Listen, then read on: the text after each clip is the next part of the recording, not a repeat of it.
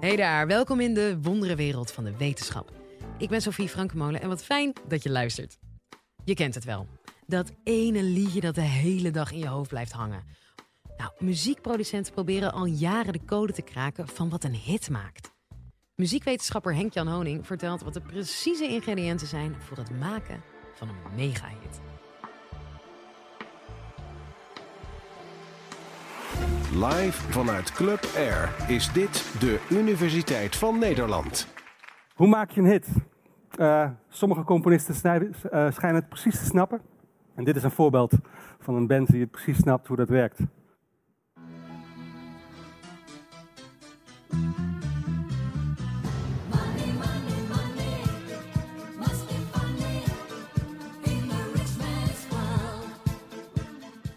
Ik geloof dat ze zo'n 20 wereldhits hebben gemaakt. Uh, 370 miljoen geloof ik dat het is. Platen of NCD's hebben verkocht.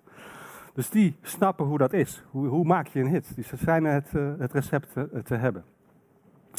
Uh, het zou leuk zijn als we dat allemaal zouden weten hoe het werkt. Ik kan er iets over vertellen, maar ik moet u ook wel meteen zeggen, waarschuwen en misschien wel teleurstellen dat ik het recept niet kan vertellen, maar wel de ingrediënten. Er zijn zeker drie ingrediënten die iets memorabel maken of, of dat er iets een hit kan worden. Uh, het eerste aspect is de herkenbaarheid.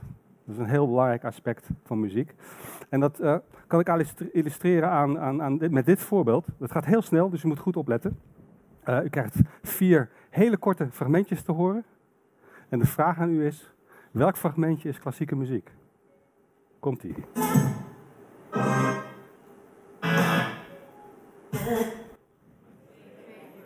B, luidkeels. Heel goed. Dat was makkelijk, hè? Dit waren fragmentjes, 1 tiende van een seconde. Dus ontzettend kort. En u herkent meteen wat klassieke muziek is. We kunnen dat heel goed. Uh, we herkennen muziek heel snel. Dus we kunnen aan die klankkleur. Dit, dit, is nog niet eens een noot die u gehoord heeft. Hè? Een halve noot, misschien nog wel korter. Uh, en u herkent meteen wat het is. Zelfs muziek die u nog nooit gehoord heeft. Dat klassieke fragment, dat zal, heeft u waarschijnlijk nog nooit gehoord. Maar meteen herkent u aan de klankkleur. Oh, dat is dat en dat. Dat kunnen we heel goed. Het is een voorbeeld dat laat zien dat muziek een intieme relatie heeft met ons geheugen. Het, kan, het hecht heel goed in ons geheugen. En dat is, dat is een, een deel uh, van de fascinatie van dit vakgebied waar ik zo geïnteresseerd ben. Een tweede aspect, uh, uh, wat, wat belangrijk is, is herhaling. Luister even naar dit voorbeeld. En de vraag aan u, welk voorbeeld u mooier vindt, is dat A of B?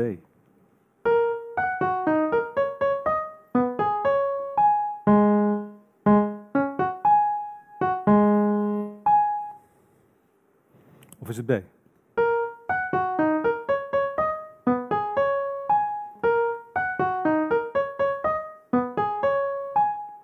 subjectief oordeel. Er is geen goed of fout hier. Dus dat is makkelijk. Wie vindt B mooier? De meeste mensen. A, A is een gewoon een willekeurig melodietje, gewoon willekeurig op de toets te spelen. B is precies hetzelfde melodietje, maar dan af en toe eens wat herhalen. Vinden we mooier. Zo simpel is het. We vinden herhaling, muziek zit er vol mee, maakt dat muziek, uh, uh, ja, dat we het intrigerender vinden en dat we het over het algemeen mooier vinden.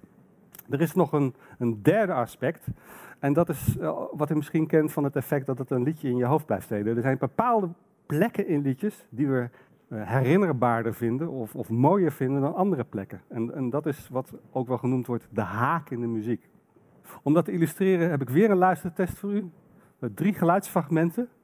En uh, u moet uw vinger opsteken op het moment dat u het liedje herkent.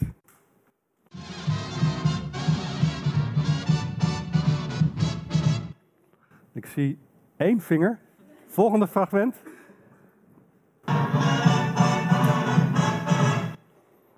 Ja, volgende fragment. Wie herkent het? The French are glad to... Twee, drie vingers erbij, ja. Nog een fragment. Diamonds are a girl's best friend. Nou, dat is raar, hè? Je hebt dat stuk, nou ja, je hebt die, die andere fragmenten heb je even vaak gehoord als, als het laatste fragment. Maar dat laatste fragment, dat is de haak van het liedje. Dat is waar je, als je het spontaan begint te zingen, daar begin je te zingen. Dat is, dat is de haak van het liedje. We weten dat dat belangrijk is. We weten dat het ook iets te maken heeft met, met, met verwachting. Wat, een haak is altijd in een, in een context waarvan je de muziek heel goed kent en er zit er een rare twist aan die maakt dat dat stukje eruit schiet. Maar wat nou precies de eigenschappen zijn van iets, wat, iets een haak maakt, dat, dat weten we niet precies. Dat zijn we aan het uitzoeken en dat kan ik demonstreren aan een spel wat we ontwikkeld hebben om te zien van, ja, hoe werkt dat nou? Hoe horen, wat maakt nou sommige fragmenten in de muziek meer hakerig, meer in ons geheugen springend dan andere fragmenten? We hebben daarvoor een, eh, een, eh, een app ontwikkeld met, met allemaal liedjes uit de top 2000. En dat gaan we hier gewoon eventjes om ter demonstratie even doen, eh, het spelletje. Dus je hoort een liedje. En dan als je de app hebt, moet je dat drukken. Op het moment dat je het herkent, druk je op de knop ja, ik herken het. Dan gaat de volumeknop naar beneden. Die gaat uit dicht. Dan zinkt u het in uw hoofd door. We gaan het hier gewoon luidkeels doen. En dan gaat de volume weer open.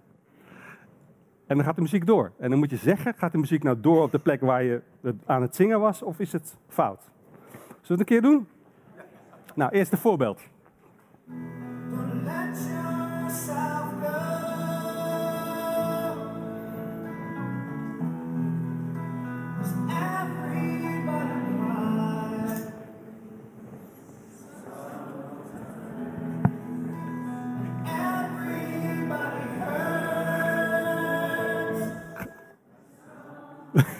Heel goed.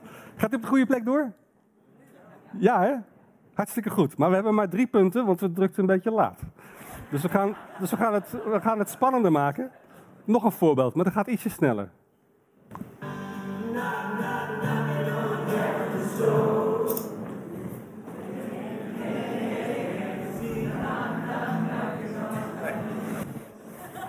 Nee, dat is niet goed, hè? Nee. Dus het was niet goed, dus je had hier niet moet, nee moeten drukken. Elf punten heb je dan verdiend. Nog eentje, laatste.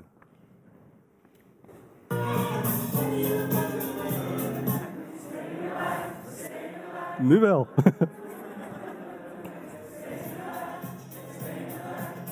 ja. Hartstikke goed. Ja, dus dat is het idee. Dus hoe sneller je drukt, eh, eh, hoe herkenbaar dat fragment is, dat zijn we allemaal aan het analyseren. En dan zing je door en daarna checken we of je niet gewoon snel drukt, maar of je het echt gehoord hebt, om te zien of je kan beoordelen of het op de juiste plek doorgaat. We zijn dit op hele grote schaal aan het doen. Je kan dit downloaden op internet voor eh, smartphones en tablets. En er is ook een website. We hebben inmiddels 12.000 mensen aan meegedaan.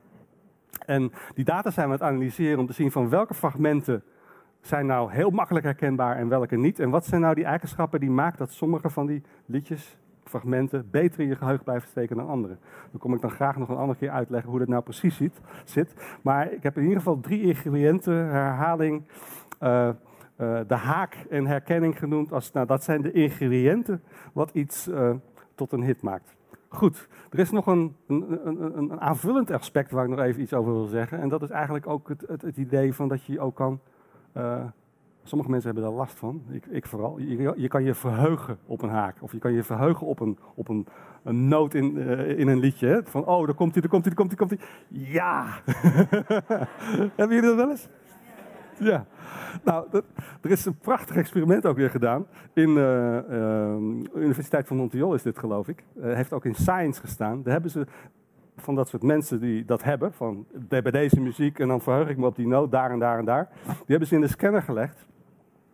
Die liggen daar dan heel rustig te luisteren en dan komt die noot voorbij. En dan zie je dat hun hersenen zich letterlijk verheugen op dat moment. En tien seconden vooraf dat die noot gebeurt, zeg maar in anticipatie voor dat moment van die snik in die stem of die harmonische overgang. Iedereen heeft andere momenten waar ze helemaal de rillingen van over hun rug krijgen of tranen van in hun ogen. Zich verheugend daarop in die 10 seconden dopamine aanmaken. Je ziet dat het beloningssysteem actief wordt bij zoiets abstracts als muziek. Je verheugt je op die noot en er wordt gewoon zo'n pleziermakend stofje, dus een neurotransmitter dopamine, wordt aangemaakt. Hetzelfde stofje hetzelfde systeem wat, wat, wat eh, eh, gebruikt wordt voor als je eet en dan wordt dat stofje ook aangemaakt. Of als je seks hebt, dan krijg je ook dat stofje en dan voel je je heel erg lekker. Dus dat is vooral dat een teken dat het biologisch systeem het belangrijk vindt dat je eet, eet en seks hebt. Maar kennelijk vindt het systeem, heeft het ook iets met muziek. En dat was dus, ja, vond ik fascinerend, want het suggereert dat muziek ja, geen luxe is, maar op een, een of andere manier eh, met ons geheugen, maar ook met ons biologisch systeem eh, verstrengeld is. Op een manier die we nog niet heel goed begrijpen. Maar wat in mijn vakgebied heel, heel interessante ontwikkelingen zijn van wat is nou die relatie tussen al die muzikale vaardigheden die we hebben en het biologisch systeem.